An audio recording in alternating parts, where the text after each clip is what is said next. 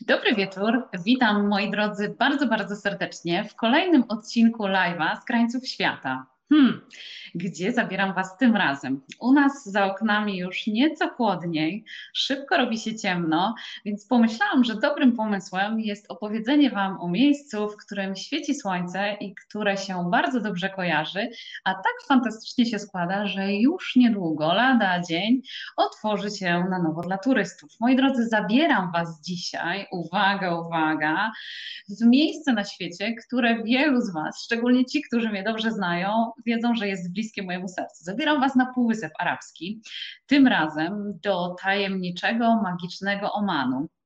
E, za chwilę trochę więcej szczegółów na ten temat, ale ja chciałabym się dowiedzieć, komu udało się dotrzeć na nasze dzisiejsze spotkanie.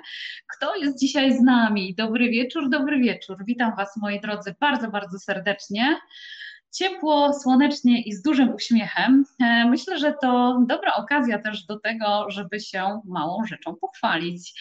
E, moi drodzy, więc w zeszłym tygodniu e, zdobyliśmy tytuł, uzyskaliśmy tytuł najbardziej pozytywnego biura podróży w Polsce. To jest tytuł, który nadał nam magazyn Lux Life Style Travel z Wielkiej Brytanii, więc mm, nic nie mogło mnie chyba bardziej ucieszyć, słuchajcie, niż właśnie ten tytuł, a nie żaden inny, ponieważ moją misją w tym roku jest to, żeby przekazać Wam takiego pozytywnego ducha, taką energię i żebyśmy razem, e, podróżując póki co wirtualnie, ale już powoli, powoli e, kraje się otwierają. Zresztą chyba największą popularnością w ostatnim czasie cieszy się Zanzibar, pewnie dlatego, że jest to jeden z nielicznych krajów, do którego można wyjechać i nie trzeba posiadać testu na COVID-19, więc z pewnością dlatego, ale i też dlatego, że jest niezwykłym miejscem na świecie. Z tego miejsca pozdrawiam serdecznie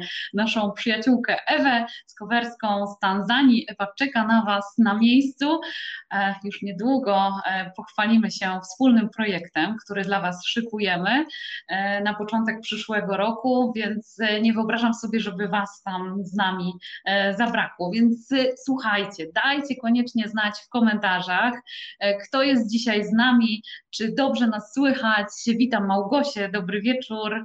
E, witam Klaudię, fantastycznie. Jest i Barbara z nami ponownie.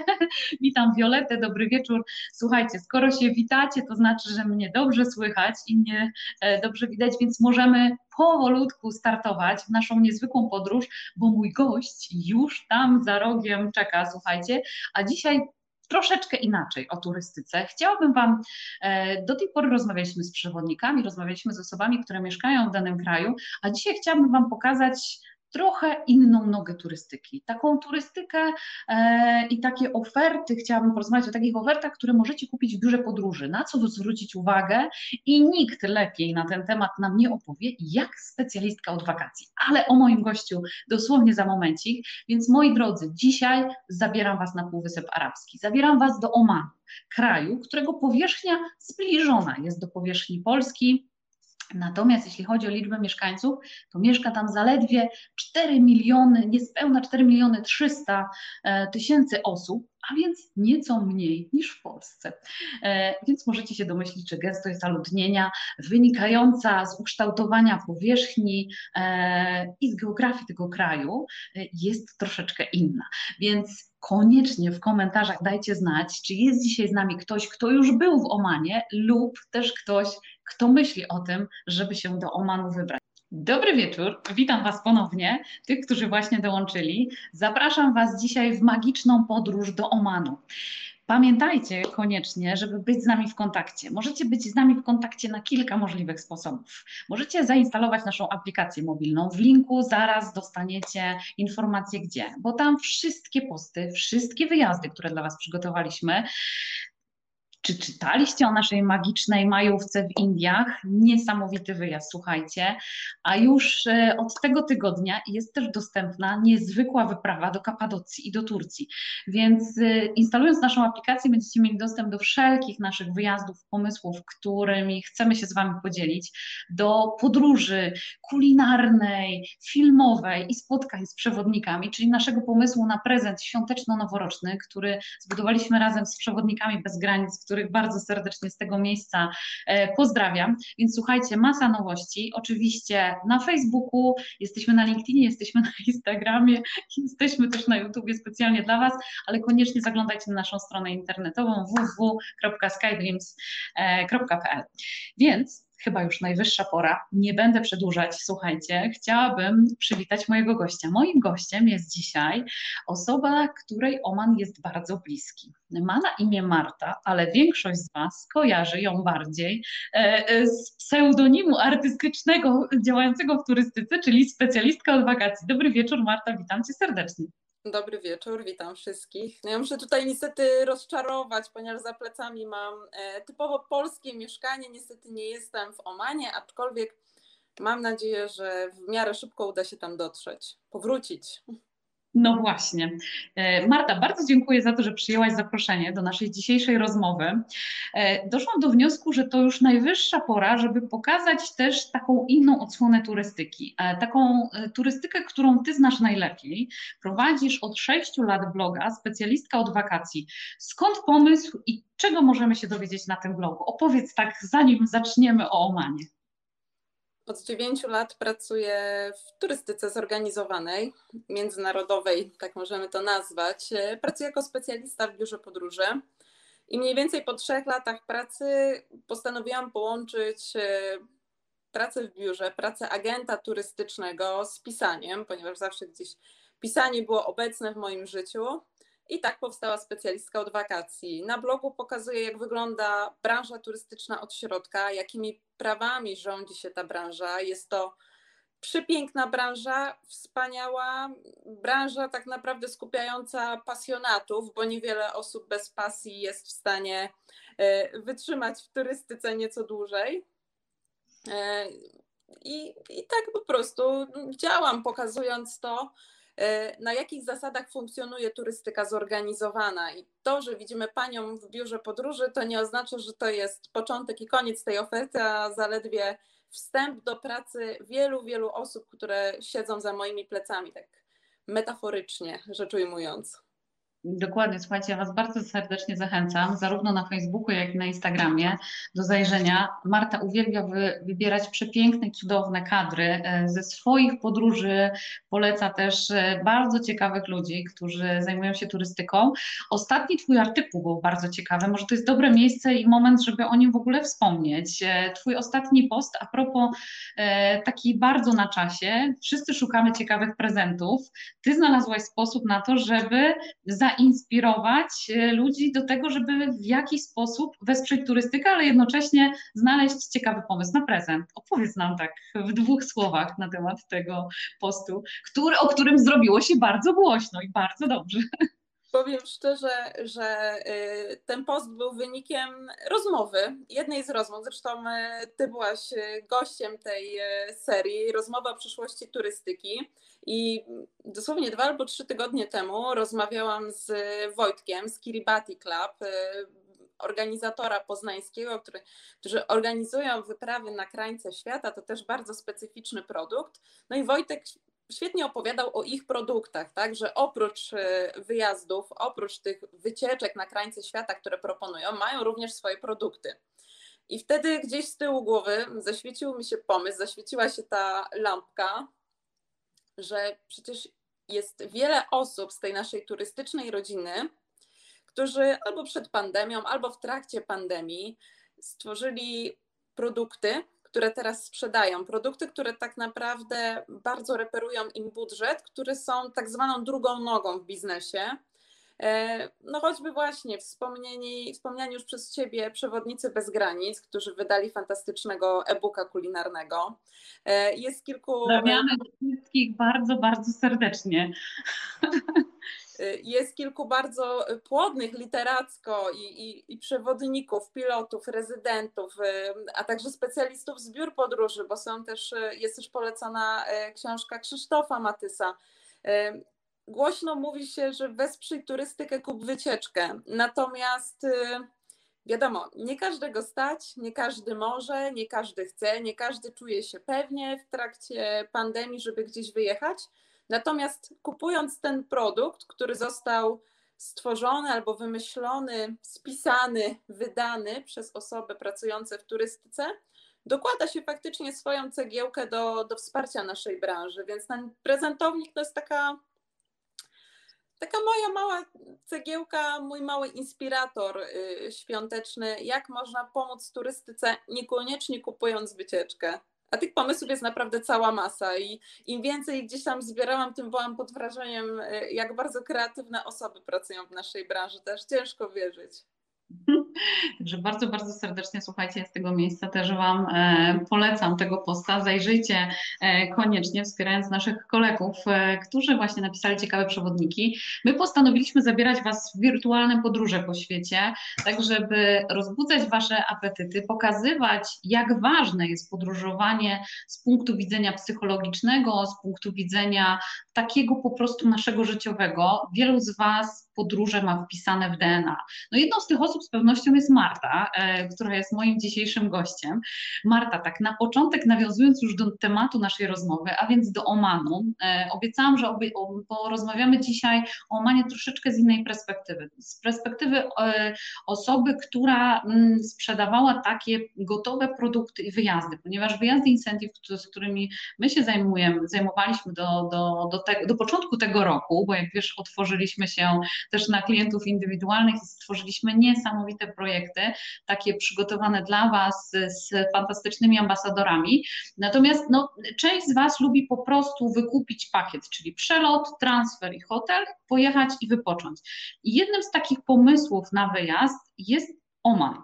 Natomiast zanim o tym opowiemy, o tych produktach i tych, tym, co można kupić w biurze podróży, Mark, co Cię tak zafascynowało w Omanie? Bo to jest y, taki kierunek, który już od y, wczesnych lat Twojej młodości, że tak powiem, gdzieś y, się tlił w Twojej głowie, więc skąd fascynacja właśnie Omanem? Ja powiem tak, Oman jest wynikiem podłączenia u mnie w domu za nastoletnich czasów internetu.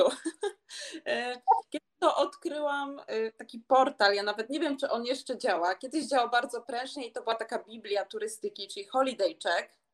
Ja go odkryłam, kiedy jeszcze nie było w ogóle polskiej wersji językowej, a że od zawsze chciałam pracować w branży turystycznej, bo w ogóle kiedy pierwszy raz przekroczyłam próg biura podróży, to ja wiedziałam, że ja chcę w ogóle siedzieć po drugiej stronie biurka i to jest absolutnie to.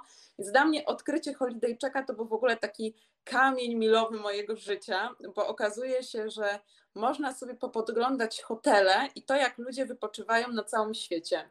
No ja tak zaczęłam od tych krajów, gdzie już byłam, gdzie jeździłam z moją mamą, a później zaczęłam przychodzić do takich krajów, no aż wstyd się przyznać, ale wtedy byłam nastolatką, do takich krajów, które mówi, no, mówiły mi zupełnie nic. I jednym z tych krajów, no pod Emiratami Arabskimi, które już wtedy tam było pełzające złoto, bogactwo, architektura XXI albo XXIII wieku, no był ten tajemniczy Oman. I kiedy sobie kliknęłam w Oman i okazało się, że teraz przytoczę słowa, które ja y, uwielbiam, ale które świetnie Oman opisują, że do Emiratów jeżdżą ci, którzy chcą się pokazać ze swoimi pieniędzmi, a do Omanu jeżdżą wszyscy, którzy mają tyle pieniędzy, że już nie chcą ich pokazywać.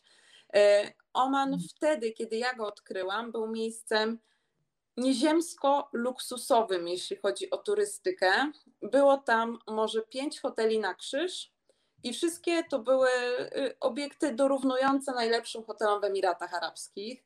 Mhm. Y, z czego hotelem, który absolutnie mnie urzekł. Ja pamiętam, że spędzałam w ogóle jakieś straszne godziny y, oglądając go, później wyszukując w ogóle w Google, wszędzie, gdzie tylko było można.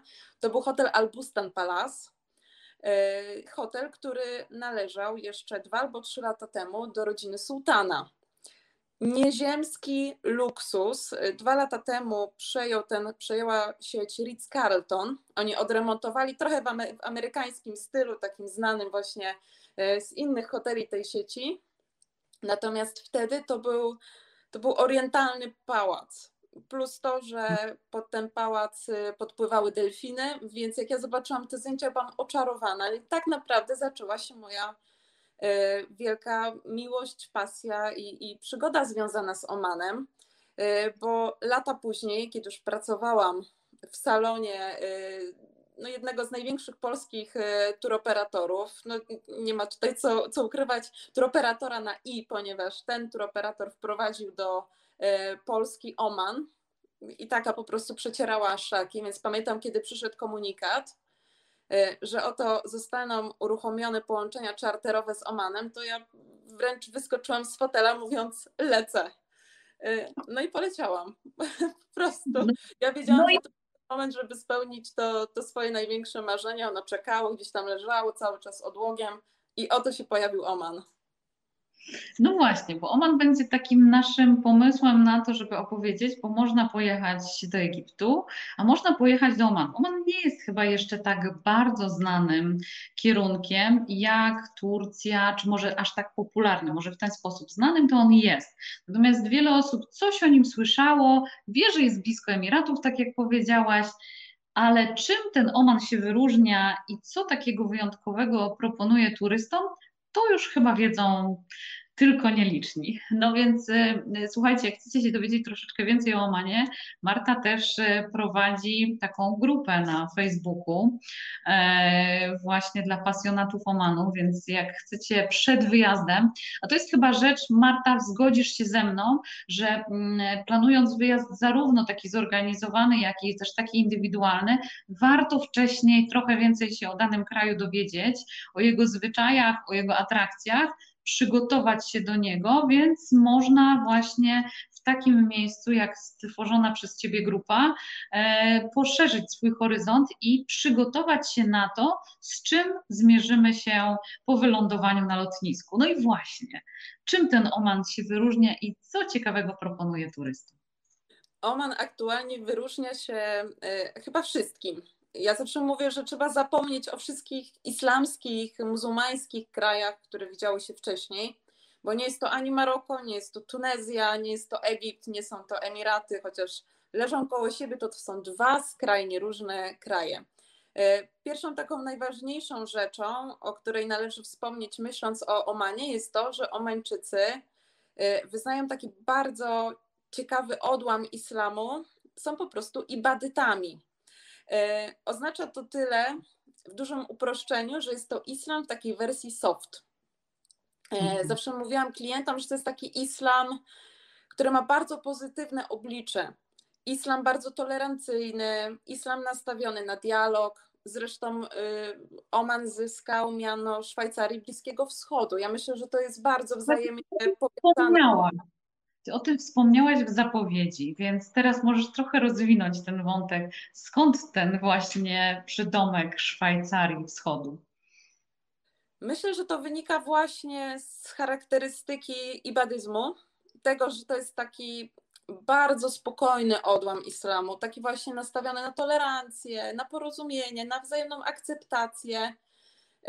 Y, I być może to miało wpływ również na sułtana Kabusa, czyli ukochanego sułtana wszystkich Omańczyków, sułtana, który no niestety odszedł na początku tego roku i, i to po prostu jego śmierć to była jak zapowiedź wszystkich tych katastrof, które wydarzyły się później. Natomiast y, sułtan Kabus, no można powiedzieć, że y, zastał Oman drewniany, a wyprowadził po prostu do Y, do takiej pozycji lidera y, w regionie.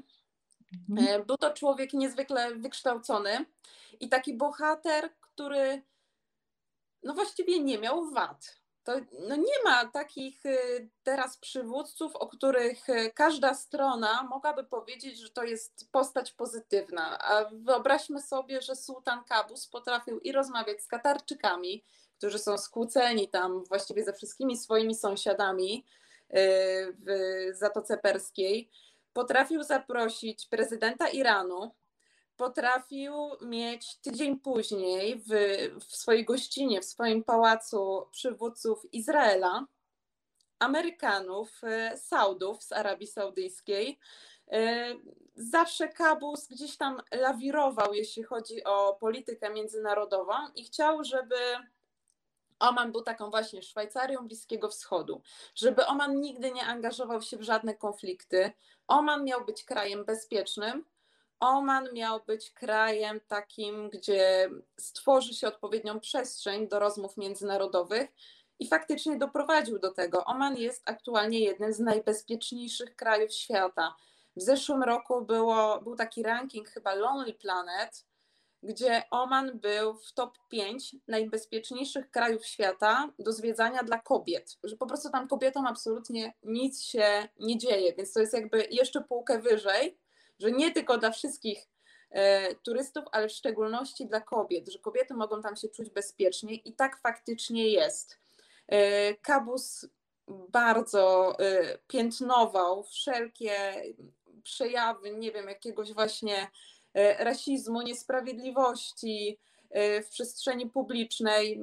Nie będę się nam wypowiadać na temat, e, na temat domów, traktowania ekspatów i tak dalej, natomiast w przestrzeni publicznej właściwie takich rzeczy nie ma, więc w sułtanacie można czuć się niesamowicie komfortowo, bezpiecznie. Jest to wspaniałe miejsce do, do zwiedzania. To są dwie takie podstawowe kwestie, że faktycznie każdy inny kraj, o którym byśmy pomyśleli w tym regionie, jest y, zatopiony w jakichś konfliktach. Ten się nie lubi z tym.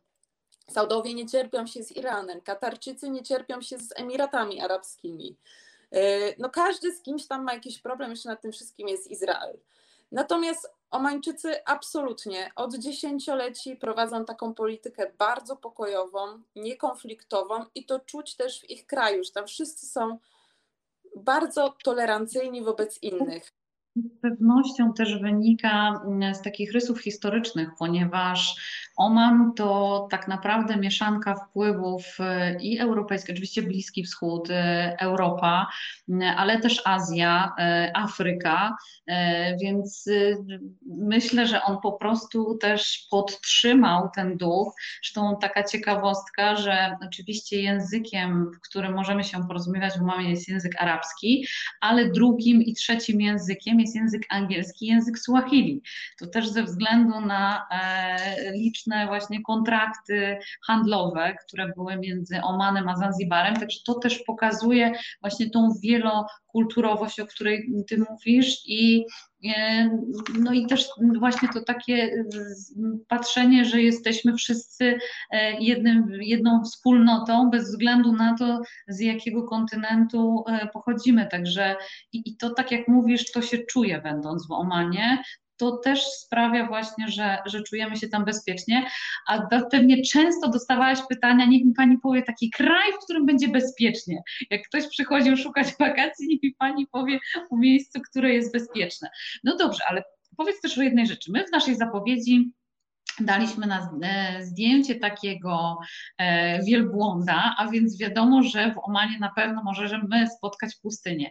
Ale jakie jeszcze atrakcje dla turystów e, proponuje Oman jako kraj? Co Twoim zdaniem jest takim magnesem, może być magnesem przyciągającym? Dlaczego warto pojechać do Omanu? Skupię się przede wszystkim na południu Omanu, na Dofarze, tam gdzie latają te polskie czartery, ponieważ można wyróżnić te dwie części Omanu, czyli Oman Północny, tam gdzie znajduje się stolica z tymi jakby najważniejszymi miastami, albo tymi, które są najpopularniejsze turystycznie, mhm. no i południe, które, ja się śmieję, że zostało skolonizowane przez nasze czartery. E, co można zobaczyć? Przede wszystkim e, pustynię, o której wspomniałaś, bo to jest wyjątkowa pustynia. E, I tu zawsze prostuję wszystkich, bo my mamy takie pojęcie o pustyni wyniesione gdzieś tam z Egiptu najczęściej, bo tam się zaczyna e, większość no. tych przygód z krajami islamskimi. No i że ta pustynia to jest tak. Trochę piasku, trochę żwiru, trochę kamieni. Taka jest jakaś albo żółta, albo jest pomarańczowo-brązowa. Natomiast Rub al-Hali w Omanie to jest ta pustynia znana z pocztówek. To jest ta najpiękniejsza, piaszczysta, największa piaszczysta pustynia świata. To jest bezkres łachów piachu. Coś niesamowitego, miejsce, gdzie wiatr bębni w uszach. Tam jak zawieje wiatr, a on ma się tam gdzie rozpędzić, to po prostu człowieka bolą uszy. To jest niesamowity hałas, ale to jest pierwsza rzecz, yy, taka najbardziej oczywista Druga sprawa, Dofar ma dwa oblicza. E, jedno to jest właśnie to pustynne, natomiast drugie, i powiem jako ciekawostkę, że my wcale nie jesteśmy nacją dominującą mimo naszych e, czarterów do Omanu, nie jesteśmy w Dofarze dominującą nacją, najwięcej turystów jest wtedy, kiedy nas nie ma, ponieważ jest to jedyne miejsce na Półwyspie Arabskim, gdzie dociera monsun. Zatem mniej więcej od czerwca do września normalną pogodą są mrzawki, kapuśniaczek, ewentualnie rzęsiste deszcze i burze. I wtedy ta kraina zamienia się w coś między Irlandią a Anglią. Tak to wygląda.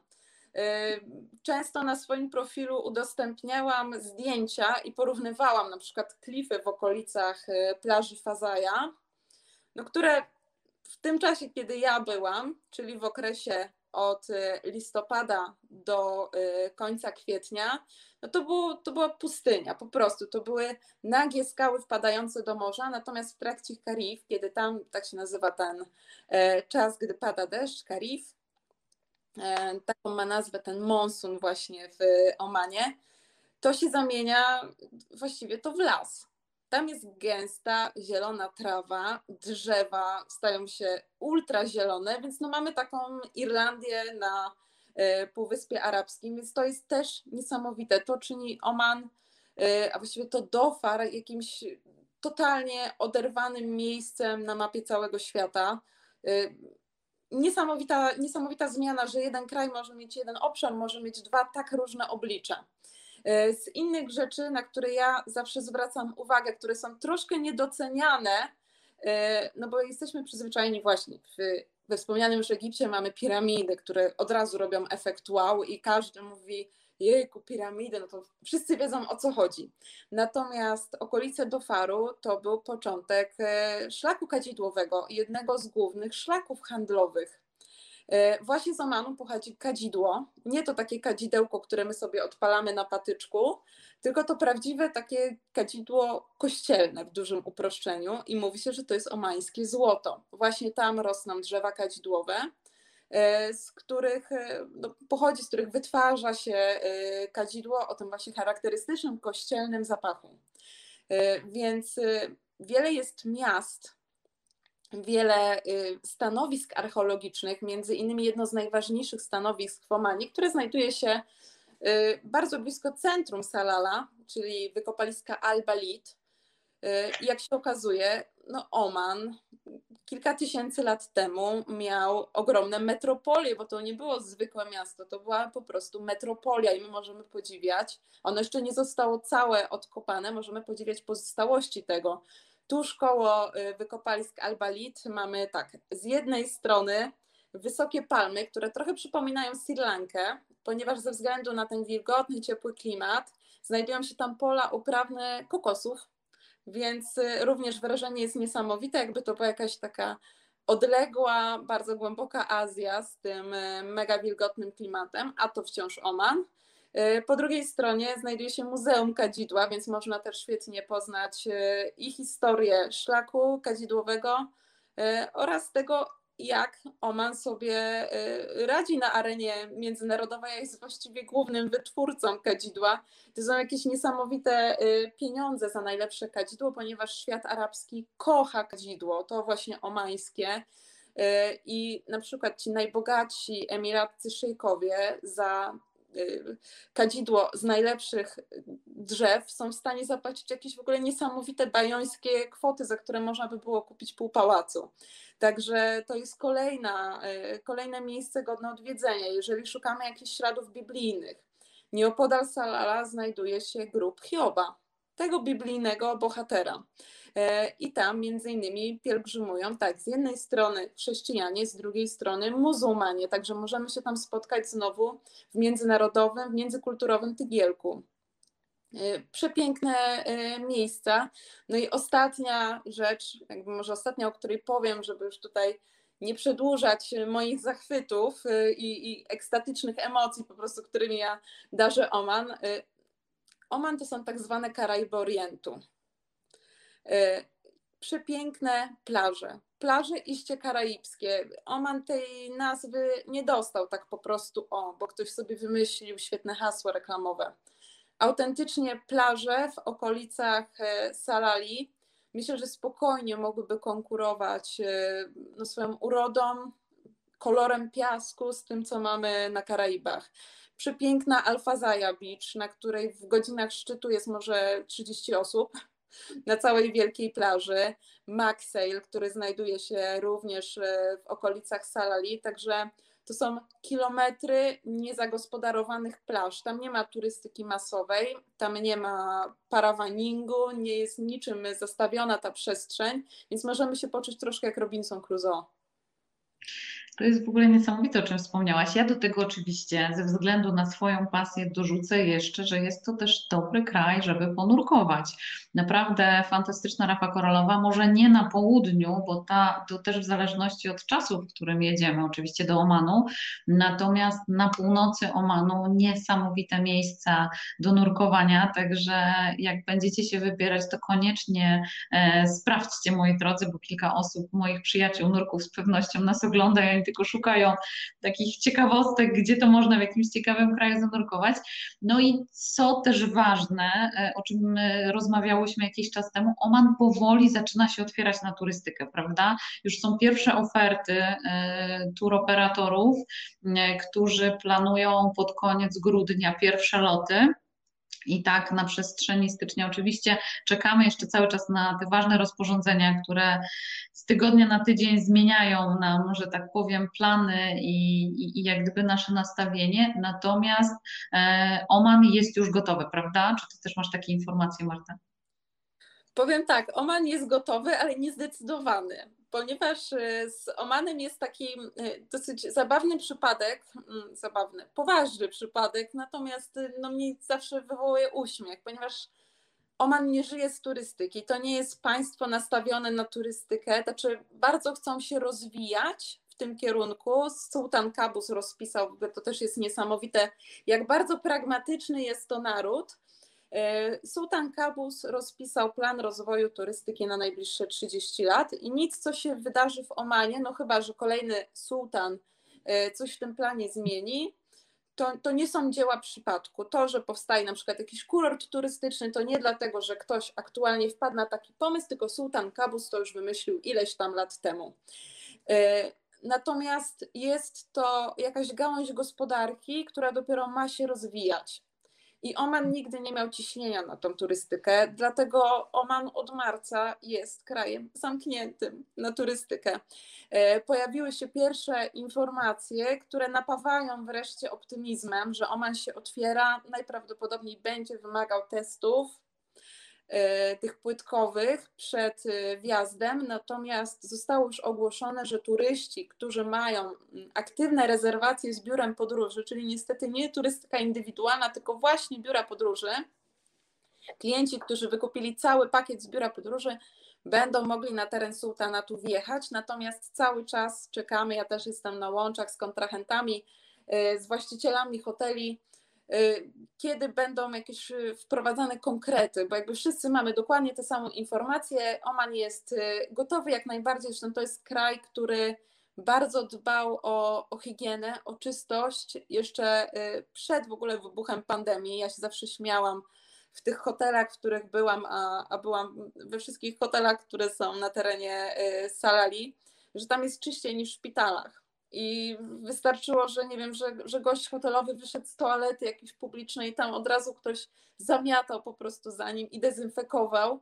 E, więc oni zawsze byli bardzo, ale to bardzo czyści, ostrożni i dbający o te e, kwestie higieniczne. Myślę, że to będzie jeszcze bardziej zaostrzone.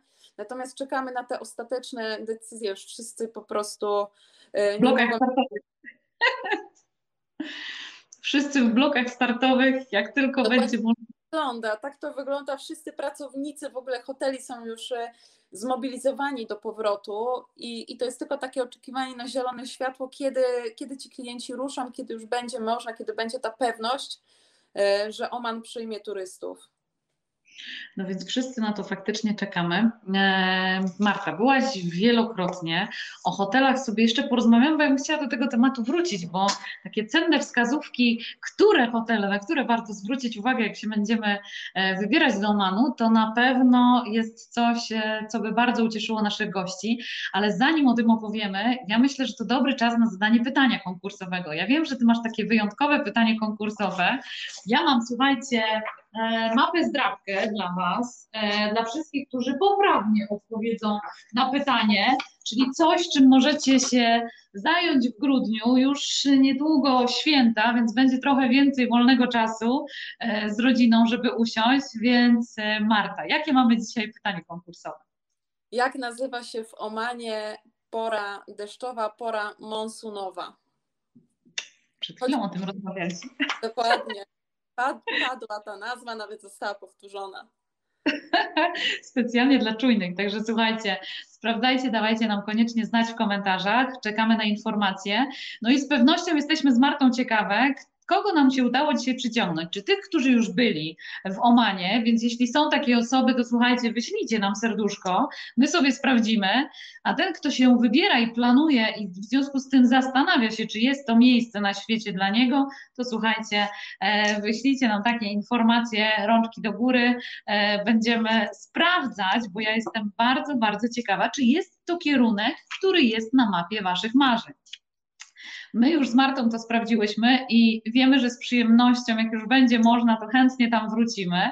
No właśnie, a Marta, gdzie my chętnie wrócimy? Które są Twoimi ulubionymi hotelami, na które warto zwrócić uwagę i czy to jest w ogóle taki kierunek, bo są takie kierunki, do których możemy polecieć, mieć all inclusive i tak naprawdę wypoczywać sobie, korzystać z przepięknych plaż, basenów i hotelu. E, no ale są też kierunki takie, do których jedziemy i powiedzmy mamy tylko i wyłącznie podstawowe wyżywienie, czyli śniadania na przykład w hotelu, a poza tym e, gospodarujemy sobie czas, jemy e, w restauracjach, jak na przykład jeśli jedziemy na zwiedzanie Włoch, czy też Hiszpanii, nie wyobrażam sobie siedzenie w hotelu all inclusive, bo to aż byłoby szkoda tych wszystkich tawern, i przepięknych miejsc, więc do jakich kierunków należy OMA? To zależy dla kogo, aczkolwiek jeżeli już jesteśmy w temacie turystyki zorganizowanej, takiej turystyki czarterowej, to od razu spieszę z odpowiedzią, że jakieś 95% hoteli, które organizatorzy, no w tej chwili dwójka organizatorów ma w swoim portfolio, to są hotele działające w formule all inclusive, Mhm. E, I powiem szczerze, nie jest to e, decyzja mm, podjęta tylko, żeby rozleniwić tych naszych klientów albo żeby przyciągnąć wyłącznie klientów przyzwyczajonych do tej formuły wyżywienia, tylko w Omanie niestety, przynajmniej w okolicach Salali, tam gdzie powstały hotele, nie ma zbyt wielu możliwości zjedzenia poza hotelem. E, warto wspomnieć o tym, że na przykład najstarszy hotel, który znajduje się w Salala, czyli Hilton Salala, najbliżej portu, on się też znajduje najbliżej miasta, ale to jest mniej więcej 10 minut jazdy taksówką. E, więc jeżeli chcemy coś przekąsić w trakcie dnia, to jesteśmy tak, albo skazani na restaurację hotelową, czyli i tak zostajemy w hotelu, albo dojeżdżamy każdorazowo, gdy chcemy coś zjeść. E, zatem All Inclusive no jest, jest w tym momencie chyba najlepszą formułą, jaką można sobie tam wybrać. E, takim najważniejszym ośrodkiem e, hotelowym, jeśli chodzi o okolice Salala, jest Marina. Marina się nazywa dość zabawnie, bo nazywa się Havana Salala.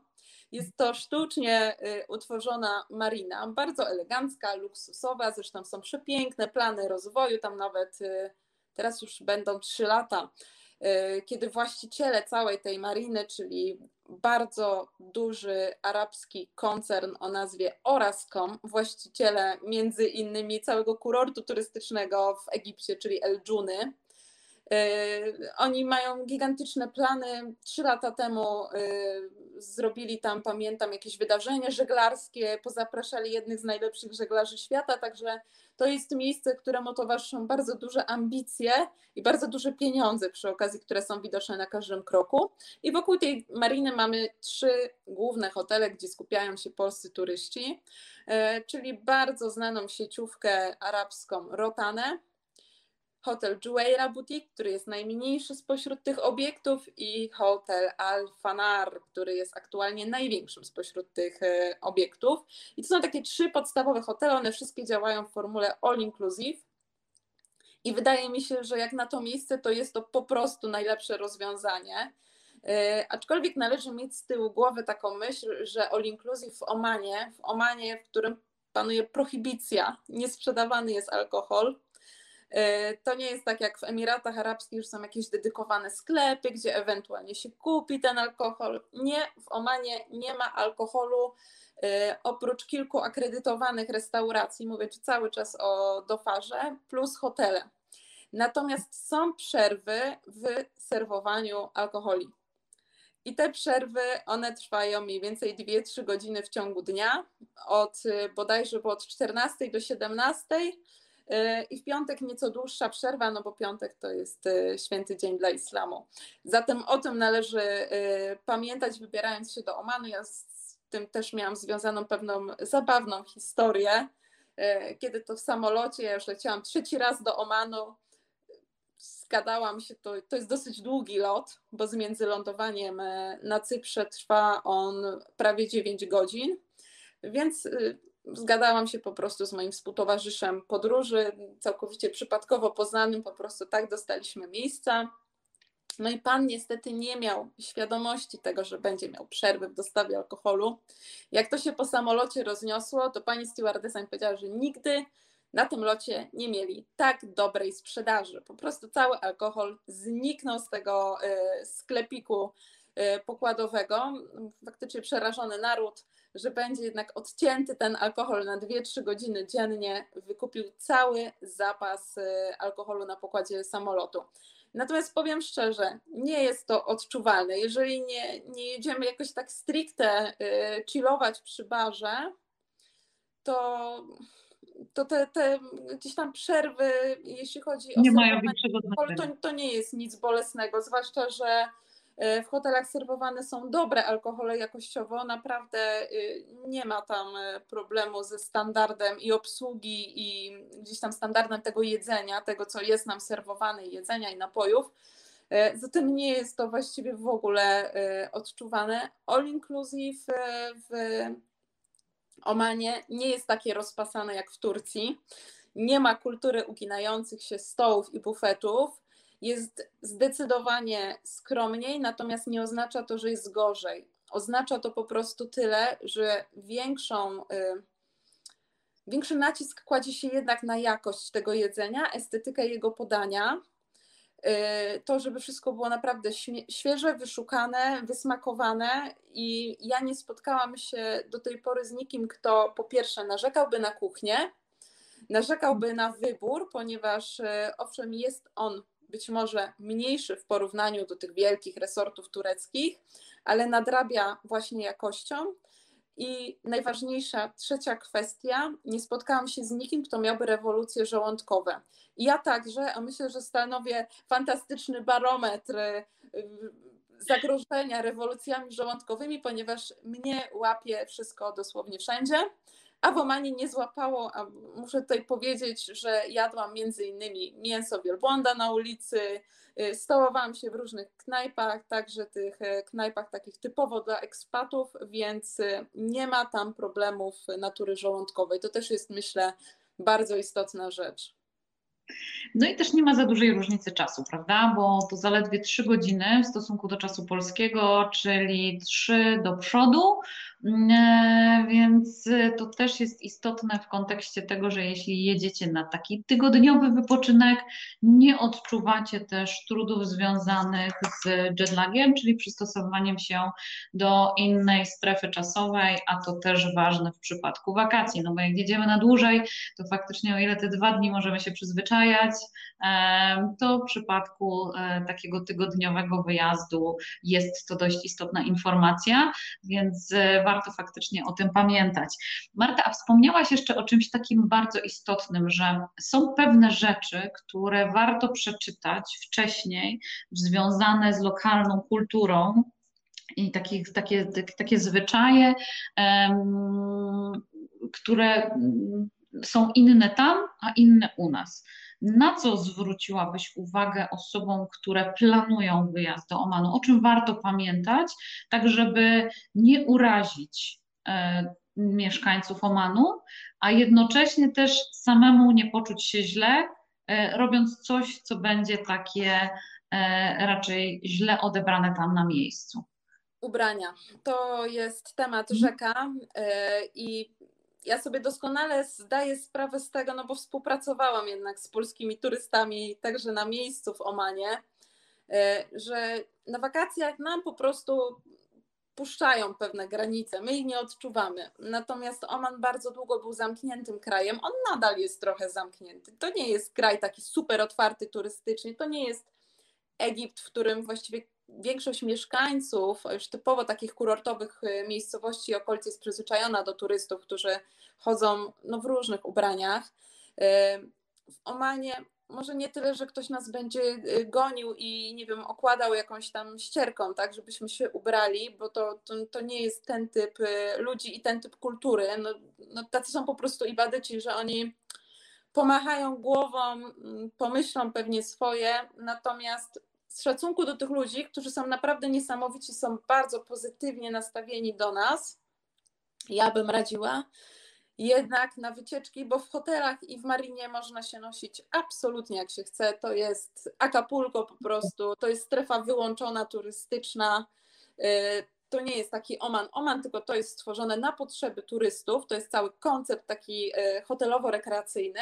Natomiast gdy na przykład jedziemy do Salali, gdy jedziemy na wycieczkę do Taka, do Mirbatu, y, nawet podziwiać naturę, do, do Wadi Darbat, ja bym polecała jednak zasłaniać ramiona, jednak jeżeli jakaś spódnica, to za kolano. Co ciekawe, zmieniły się przepisy w Omanie i do galerii handlowej nie wejdziemy już y, w krótkich spodniach. Dotyczy to zarówno pań, jak i panów. Y, na wycieczkach bardzo często niestety był z tym problem. Jedną z wycieczek jest no taka wycieczka stricte na zakupy. Jednym z punktów programu jest między innymi lokalna galeria handlowa, tak zwany Garden Mall E, można tam kupić sporo lokalnych produktów, natomiast wszystko jest zamknięte w takiej no, nowoczesnej galerii handlowej, jak w każdym mieście. I tam już niejednokrotnie polscy turyści mieli problem z wejściem, czyli panie w zbyt, zbyt kusych shortach, panowie w krótkich spodniach. E, było to śmiesznie rozwiązywane, ponieważ tuż przy głównym wejściu jest y, sklep z ubraniami Red tak i, i ochroniarz pozwalał po prostu turystom wchodzić do, do tego Red Taga, tak, i oni sobie kupowali ciuchy, tak, pani jakieś tam długie spódnice, to jest w ogóle świetna sieciówka, to jest takie Emiracki Reserve, to, bo to jest firma pochodząca z... Słuchajcie, Więc, super y, ceny, super ceny, fajna tak. jakość i naprawdę ciekawy design, także zarówno dla kobiet, E, ja tam dzieciakom też kupowałam fajne rzeczy. W Emiratach jest też ta sieciówka. Nawet jeśli pojedziecie na wakacje do Ras Al Khaimah, do słynnego Alhambra Mall, tam też się znajduje tam też się ta sieciówka Dokładnie. znajduje. My polecamy. Polecamy i właśnie tam się większość naszych rodaków, którzy no nie uzyskali promesy, by wejść do galerii handlowej, no ubierała się na szybko, więc myślę, że Red tak e, w Garden Mallu robił sporą część obrotu właśnie na nas Polakach, a teraz to się słuchajcie naprawdę zmieniło i e, już nie wyrywkowo, tylko najprawdopodobniej to nie będzie widzimisię mm, jakiegoś mniej lub bardziej e, spostrzegawczego pana z obsługi galerii, tylko po prostu nie wejdzie się tak ubranym na teren Garden Mall. No druga sprawa, ludzie są przyfantastyczni, mili, przekochani są Omańczycy, bardzo pomocni. To w ogóle jest inna bajka w stosunku do, do innych gdzieś tam nacji e, arabskich. To nie są ludzie, którzy was będą wciągać za rękaw do sklepu. Omańczycy są bardziej wycofani, bardziej zdystansowani powiedzmy nie nastawieni tak e, konsumpcyjnie tak, na, na turystów. Zatem z szacunku do nich, z szacunku do tego, jak fantastycznie prezentują swój kraj, bo jak się pozna gdzieś Omańczyka, to on naprawdę bezinteresownie może nas obwieść po prostu po tym dofarze, a na pewno zrobi nam wykład, gdzie warto pojechać. E, I on niczego w zamian absolutnie nie, nie oczekuje, zwłaszcza, że to jest naród bogaty, naród, któremu się żyje bardzo dobrze i dostatnio, zatem oni nie są zainteresowani za bardzo pieniędzmi turystów. Oni jeszcze nie odkryli takiego, takiej masowej turystyki, więc warto w pewien sposób im podziękować za to, że, że tacy są, że takie piękne warunki dla y, turystów stwarzają i po prostu no, lekko się zasłonić. Ja nie chodziłam tam y, ubrana wcale jakoś bardzo zasłonięta i, y, i cały czas okutana po prostu czymś od tutaj, nie wiem, od szyi aż po kostki. Absolutnie, y, słuchajcie, ja miałam w Garden Mallu, skoro już tutaj będziemy się trzymać tego tematu, y, miałam spódnicę za kolano, bluzkę na ramionczkach, tyle tylko, że byłam przykryta szalem i to absolutnie ze spokojem przeszło, nikt nie zwracał na mnie uwagi, nikt nie był urażony ja też się czułam bardzo komfortowo w tym stroju. I myślę, że to jest y, jedyna taka kwestia, bo naprawdę w Oman jest fantastycznym krajem do podróżowania. Tam, tam jakichś wielkich różnic kulturowych raczej nikogo nie, nie jesteśmy w stanie urazić. To prawda. Znaczy, przede wszystkim to, co odróżnia Oman od innych krajów Półwyspu Arabskiego, to jest przywiązanie do tradycji. E, tam jest zdecydowanie spokojniej. To, co Ty powiedziałaś, e, w Emiratach na przykład mm, e, są poszczególne Emiraty, które są takimi tak zwanymi dry, czyli takimi, w których nie ma alkoholu. Natomiast Oman jest takim właśnie całym krajem. On jest taki zdecydowanie spokojniejszy. Tam ludzie dużo bardziej pielęgnują, celebrują życie i te, właśnie te tradycje, e, które są z pokolenia na pokolenie e, przekazywane.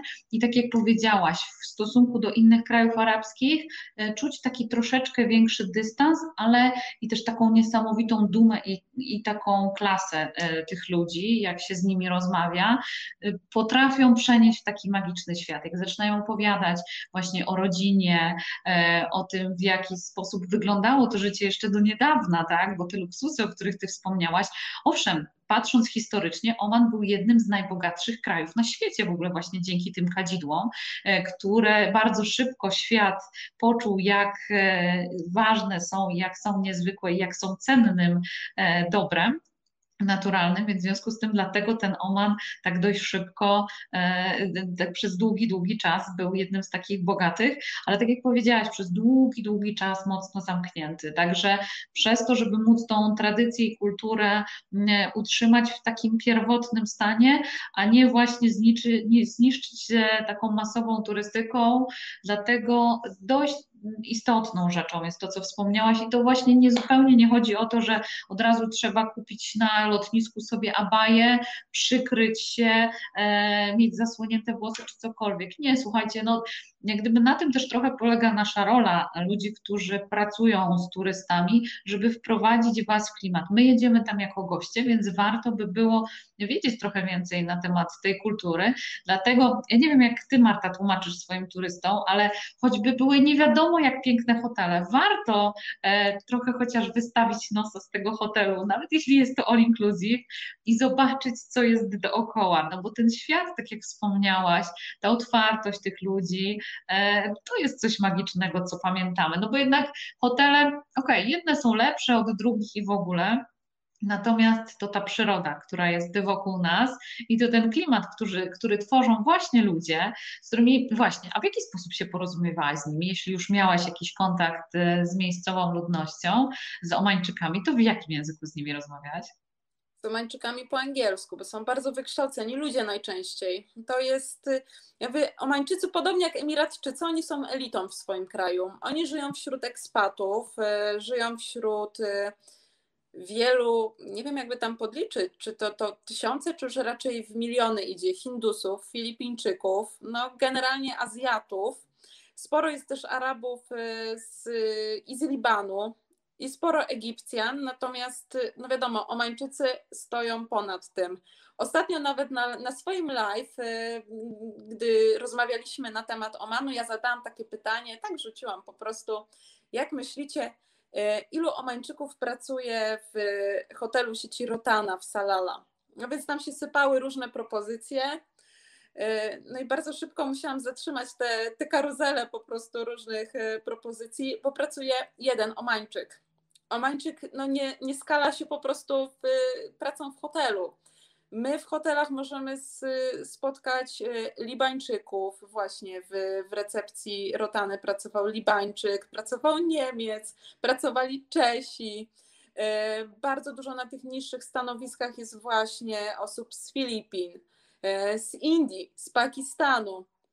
Natomiast Omańczyka jest po pierwsze dosyć trudno spotkać. Jak już gdzieś można spotkać Omańczyka, to oni bardzo chętnie przyjeżdżają do Mariny w Salala, do tej Hawany.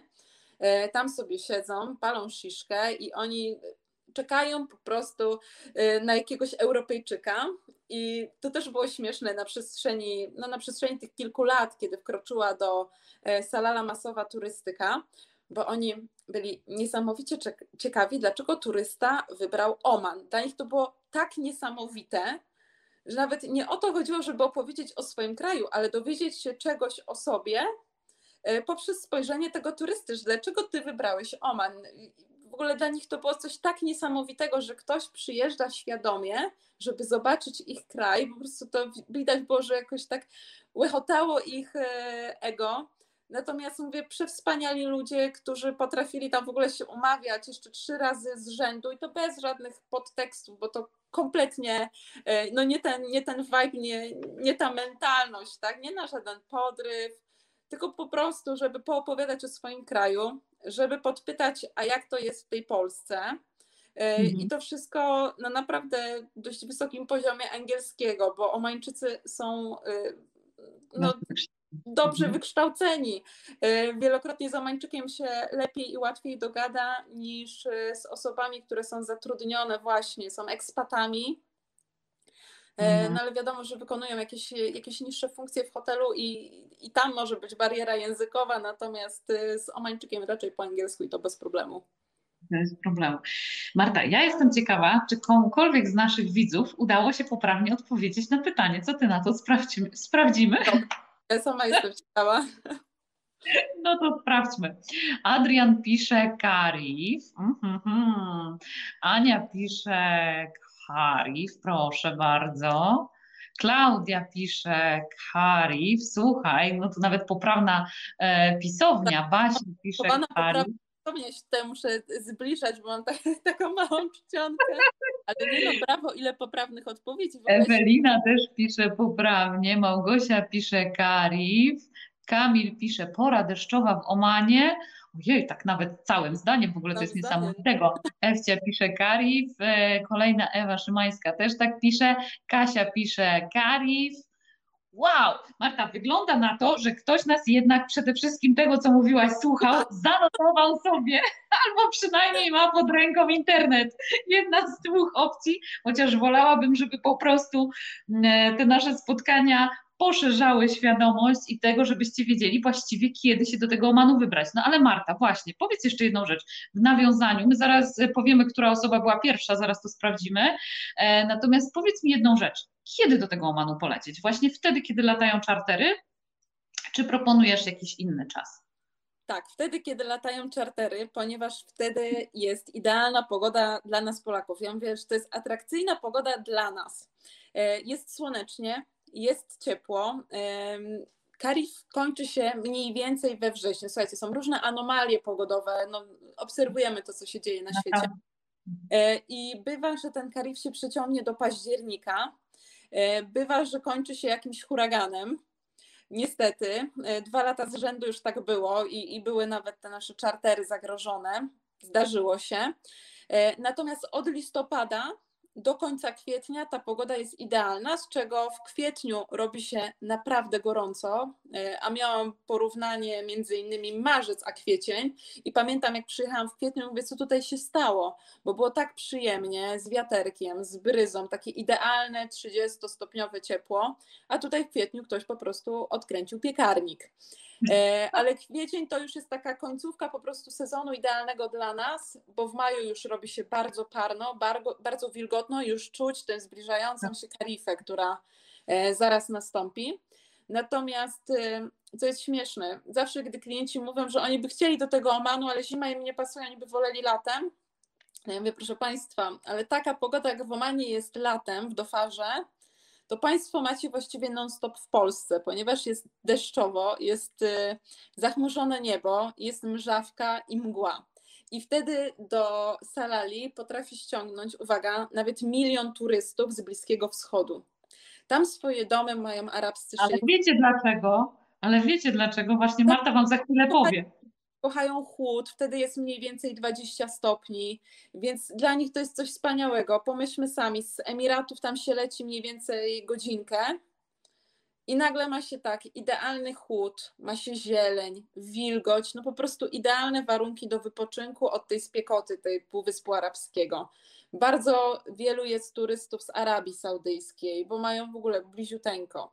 E, zatem no dla nas tutaj z Europy Północnej w stosunku do OPA, no to to nie byłaby ciekawa pogoda. Mówię, nie wyobrażam sobie naszych turystów, którzy siedzą w tym rzęsistym e, deszczu i tym 20-stopniowym chłodzie i cieszą się tym tak samo jak Arabowie. Nie, słuchajcie, warto pomyśleć o Omanie wtedy, kiedy u nas się robi chłodno, więc właśnie teraz, kiedy potrzebujemy taki zastrzyk słońca, czegoś pozytywnego, to mam nadzieję, że nasza dzisiejsza rozmowa będzie swego rodzaju natchnieniem i pewną wskazówką do tego, gdzie możecie się wybrać. A faktycznie, słuchajcie, e, dużo ciekawych e, ofert, także zaglądajcie, sprawdźcie, e, co tam szykują turoperatorzy e, właśnie na zimę, bo Oman jest w planach, no ale czekamy na to zdecydowanie zielone światło. E, Marta, powiedz mi jeszcze taką rzecz. Porozmawiałyśmy sobie, aha, ja jeszcze tylko zaraz rozstrzygnę ten konkurs, bo my to potrafimy znowu się wdać w rozmowę, rozmawiać, bo obie czujemy fascynację krajami arabskimi, które są no po prostu ta kultura jest inna od naszej. E, to kultywowanie e, i rodziny, i, i tych zwyczajów, które są przekazywane, jest faktycznie magiczne, a z drugiej strony ta kultura osobista.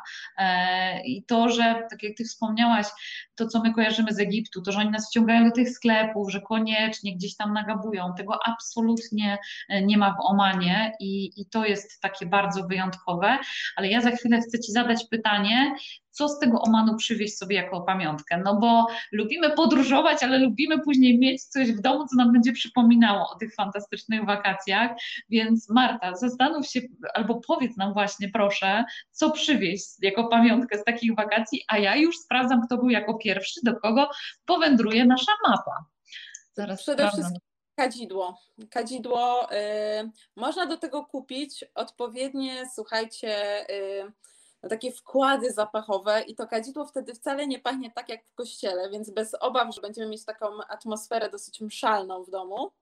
E, można dokupić właśnie takie specjalne dodatki zapachowe, no i przede wszystkim kadzielnicę, typowo omańską, to też trzeba uważać, żeby taka dzielnica była omańska, bo w sklepikach jest ich cała masa, natomiast e, niestety większość z nich to nie są oryginalne omańskie produkty, tylko to są jakieś e, indyjskie rzeczy, gdzieś tam afrykańskie, natomiast tak wygląda, słuchajcie, wzór typowo e, omański. Oczywiście bogaty omańczyk w życiu w domu by czegoś takiego sobie nie postawił, ponieważ to jest, owszem, to jest ich typowy wzór, natomiast e, bogaty omańczyk raczej kupiłby to sobie z no, jakiegoś takiego zdecydowanie bardziej na materiału niż, niż zwykła glina i ceramika.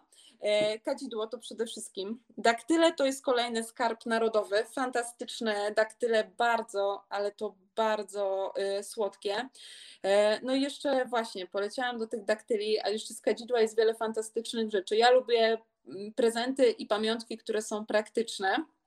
E, a kadzidło nie tylko, to są te kwestie zapachowe. Słuchajcie, kadzidło w ogóle ma niesamowite zdolności, ponieważ to jak my napalimy kadzidło to oprócz tej atmosfery Orientu okazuje się, że ma fantastyczny wpływ na górne drogi oddechowe oraz na nasze samopoczucie. To jest cała masa badań poświęconych e, właśnie temu naturalnemu kadzidłu. E, I co ono robi z naszym organizmem? Z, kadzidło, z kadzidła wytwarza się także fantastyczny olej. E, można olejować włosy, zresztą ja cały czas lecę tymi moimi ostatkami omańskich olejków, te swoje nieszczęsne włosy, więc jeżeli są tutaj jakieś włosomaniaczki, to ja polecam w Omanie 3 riale, czyli mniej więcej 30 3 zł kosztuje taka buteleczka całkiem niezłego olejku. Kosmetyki. Kosmetyki niestety, znaczy niestety, a może istety, gdzieś tam na bazie indyjskich rzeczy plus kadzidło, więc takie pomieszanie z poplątaniem hinduskiego know-howu i omańskich, y, omańskiego dobra narodowego. Natomiast fantastyczne naprawdę y, kosmetyki można sobie zakupić. No i naturalnie kawa. Kawa, która jest znana w całym regionie. Omańczycy oczywiście mają, oni twierdzą, że takiej kawy jak u nich to nigdzie indziej nie ma, że to co mają w Emiratach, to to w ogóle do wyrzucenia. Ja ja to uwielbiam a propos tej kawy, bo ja to zawsze z moimi przyjaciółmi z Ameryki Południowej mam tą rozmowę. Oni się zawsze kłócą, czy jest lepsza w Kolumbii, czy na Kostaryce, więc a propos Półwyspu Arabskiego dokładnie ta sama historia, przemagiczna, absolutnie no moje nieokrzesane podniebienie, po prostu niewyrobione, ja nie czuję tej różnicy, ale oni twierdzą, że ta różnica jest. Zatem ja polecam także, e, także kawę. E, oprócz tego, co można? Te typowe e, czapeczki dla Omanu, które są, aczkolwiek e, ja zawsze mówię, że to, to bardziej taka jest pamiątka, która później będzie no, u nas gdzieś się kurzyć, tak? Fantastyczne chusty. Które są ręcznie tkane, ręcznie wyrabiane, ręcznie y, gdzieś tam ozdabiane, czyli to, co Omańczycy też noszą na głowach. E, I tak naprawdę są takie główne pamiątki z tego regionu, bo reszta to już są takie rzeczy, które znajdziemy również w innych miejscach. Super. Bardzo dziękuję Marta za tą rozmowę, za rozpalenie naszych zmysłów, bo i porozmawiałyśmy e, o kadzidłach, które pięknie pachną i chyba wspomnienie w ogóle tego od razu się rozbudza. Powiedziałaś o cudownych plażach, o słońcu, e, o wygodnych hotelach i przede wszystkim o tym bardzo pozytywnym nastawieniu Omańczyków do turystów, do Europejczyków. To jest też bardzo ważne, bo my się często zastanawiamy przed wyjazdem do jakiegoś kraju, czy będzie to miejsce, gdzie tak przyjaznym okiem będą na nas patrzeć, czy ten turysta to tak niekoniecznie jest takim miłym gościem. Natomiast to, co jest wyjątkowe w Omanie, to co powiedziałaś, to właśnie to, ja mam takie w ogóle wrażenie, jak sobie myślę o krajach arabskich, e, często e, eksploruję, dowiaduję się też e, dużo na temat Emiratów Arabskich, ale to, ta moja fascynacja wynika właśnie z tego, że oni są tacy poukładani, że tam jest wszystko takie zaplanowane, tam nie ma przypadku, tam się nie dzieje nic tak po prostu prostu z dnia na dzień, e, tak jak trochę ostatnio u nas, e, tylko tam po prostu jest to wszystko przygotowywane, jest to cały harmonogram i, i tak jak powiedziałaś, to miejsce jest wyznaczone to południe Omanu, żeby turyści się tam dobrze czuli. I to jest też wyjątkowe, czyli nie koliduje jeden świat z drugim, ale jednocześnie tak e, delikatnie można zajrzeć i otworzyć drzwi i nie wiem, czy zwróciłaś uwagę, ale to, co przykuło moją uwagę w Omanie, to przepiękne, cudowne drzwi. Choćby nie wiadomo, jaka chata stała, drzwi, które do niej prowadzą, muszą być przepiękne, kolorowe, cudownie ozdobione, więc to jest też taka cecha charakterystyczna e, tego kraju. Więc dla wszystkich, którzy lubią zawiesić kadr fotograficzny na czymś ciekawym, będąc w Omanie, zwróćcie e, koniecznie uwagę na te kolorowe drzwi. No i my z Martą Was bardzo serdecznie zachęcamy. Jeśli jeszcze nie byliście w Omanie, to koniecznie e, musicie się tam wybrać. E, miejsce, które można w różny sposób eksplorować. My dzisiaj skupiłyśmy się głównie na tej turystyce, ale tak dlatego, żeby Wam trochę pokazać różne oblicza turystyki, bo e, to nie tylko właśnie takie zorganizowane wyjazdy, gdzie jesteśmy w hotelach butikowych, bo tam też są takie przecudne, pałacowe, urocze miejsca. Jeśli słucha nas Justyna, moja serdeczna koleżanka z Warszawy, która jest tam tam taka cudowna jedna sieć, którą my wspólnie uwielbiamy, ale to nie są hotele all inclusive, natomiast to też jest miejsce, które w ten sposób możecie zauważyć. No i to, co powiedziała Marta Magicznego, że jak na całym Półwyspie Arabskim już jest tak gorąco, że oni są w stanie tylko w klimatyzowanych miejscach się przemieszczać, jak podjeżdżają na stację benzynową, to nawet nie wysiadają z samochodu, tylko tankują im samochód i jadą dalej, to wtedy oni chętnie uciekają właśnie gdzieś, gdzie jest zielono, gdzieś, gdzie można troszeczkę poddychać, czyli w sumie ten taki klimat, bym powiedziała, wysp trochę kanaryjskich, bo one też przez cały rok mają taką uroczą pogodę. Ja jak się kiedyś zastanawiałam takim miejscem na ziemi, które jest cudowne przez cały rok, to jednym z takich miejsc są właśnie Wyspy Kanaryjskie. Mniej więcej nieduże amplitudy temperatur, zwykle 20 parę stopni, e, słoneczko i nie trzeba wtedy właśnie jakoś super ciepło się ubierać, e, więc a słuchajcie, w Emiratach Arabskich potrafi na przykład spaść śnieg, bo są e, w styczeń lub luty, e, gdzieś tam tam wyżej w górach są takie, takie historie i takie anomalia też się zdarzają. Także Marta, bardzo serdecznie Ci dziękuję za dzisiejszą rozmowę. Mam nadzieję, że się spotkamy w Omanie i e, razem uda nam się jakąś fajną i ciekawą e, wycieczkę, że tak powiem, oprowadzić i, e, i pokazać ludziom, jak e, niezwykłe jest to miejsce na Ziemi i dlaczego warto, żeby złapać trochę oddechu, właśnie wypocząć i wybrać Oman e, na to miejsce. Także e, dziękuję jeszcze raz bardzo serdecznie za ciekawą rozmowę, za pokazanie nam i opowiedzenie o turystyce trochę z innej perspektywy, Twojej własnej. Ja Was zachęcam, słuchajcie, do tego, żeby zaglądać na bloga specjalistki od wakacji, tym bardziej, że teraz w turystyce się bardzo dużo dzieje, zmieni z pewnością, bo e, co do tego jesteśmy zgodne z Martą, że, e, że, że, że ta turystyka absolutnie jest. My jesteśmy przykładem na to, że jest ona żyje, natomiast jest w tej chwili taka bardzo dynamiczna. Ona z tygodnia na tydzień, cały czas się coś dzieje, więc dlatego warto sprawdzone źródła, słuchajcie, śledzić. My staramy się na bieżąco podsyłać Wam ciekawostki i te wszystkie sprawdzone informacje, które zdobywamy, przekazujemy przez nasze media społecznościowe. I z tego miejsca zapraszam też Was bardzo serdecznie e, na przyszłotygodniowy live. Będzie bardzo wyjątkowy, będzie inny niż dotychczasowe, e, ponieważ po pierwsze będzie świąteczny. Chcę Was zabrać w siedem niezwykłych krajów europejskich, w których porozmawiamy sobie o tym, jakie są zwyczaje świąteczne, a jednocześnie zagramy i puścimy takie światełko bardzo pozytywnej energii dla pewnego młodego dżentelmena, który e, ma 7 lat zaledwie, a był ze mną już w siedmiu krajach. Trochę więcej na ten temat w przyszłym tygodniu, więc zapraszam Was bardzo serdecznie, a Tobie Marta jeszcze raz serdecznie dziękuję i życzę wszystkiego dobrego. Również dzięki wielkie.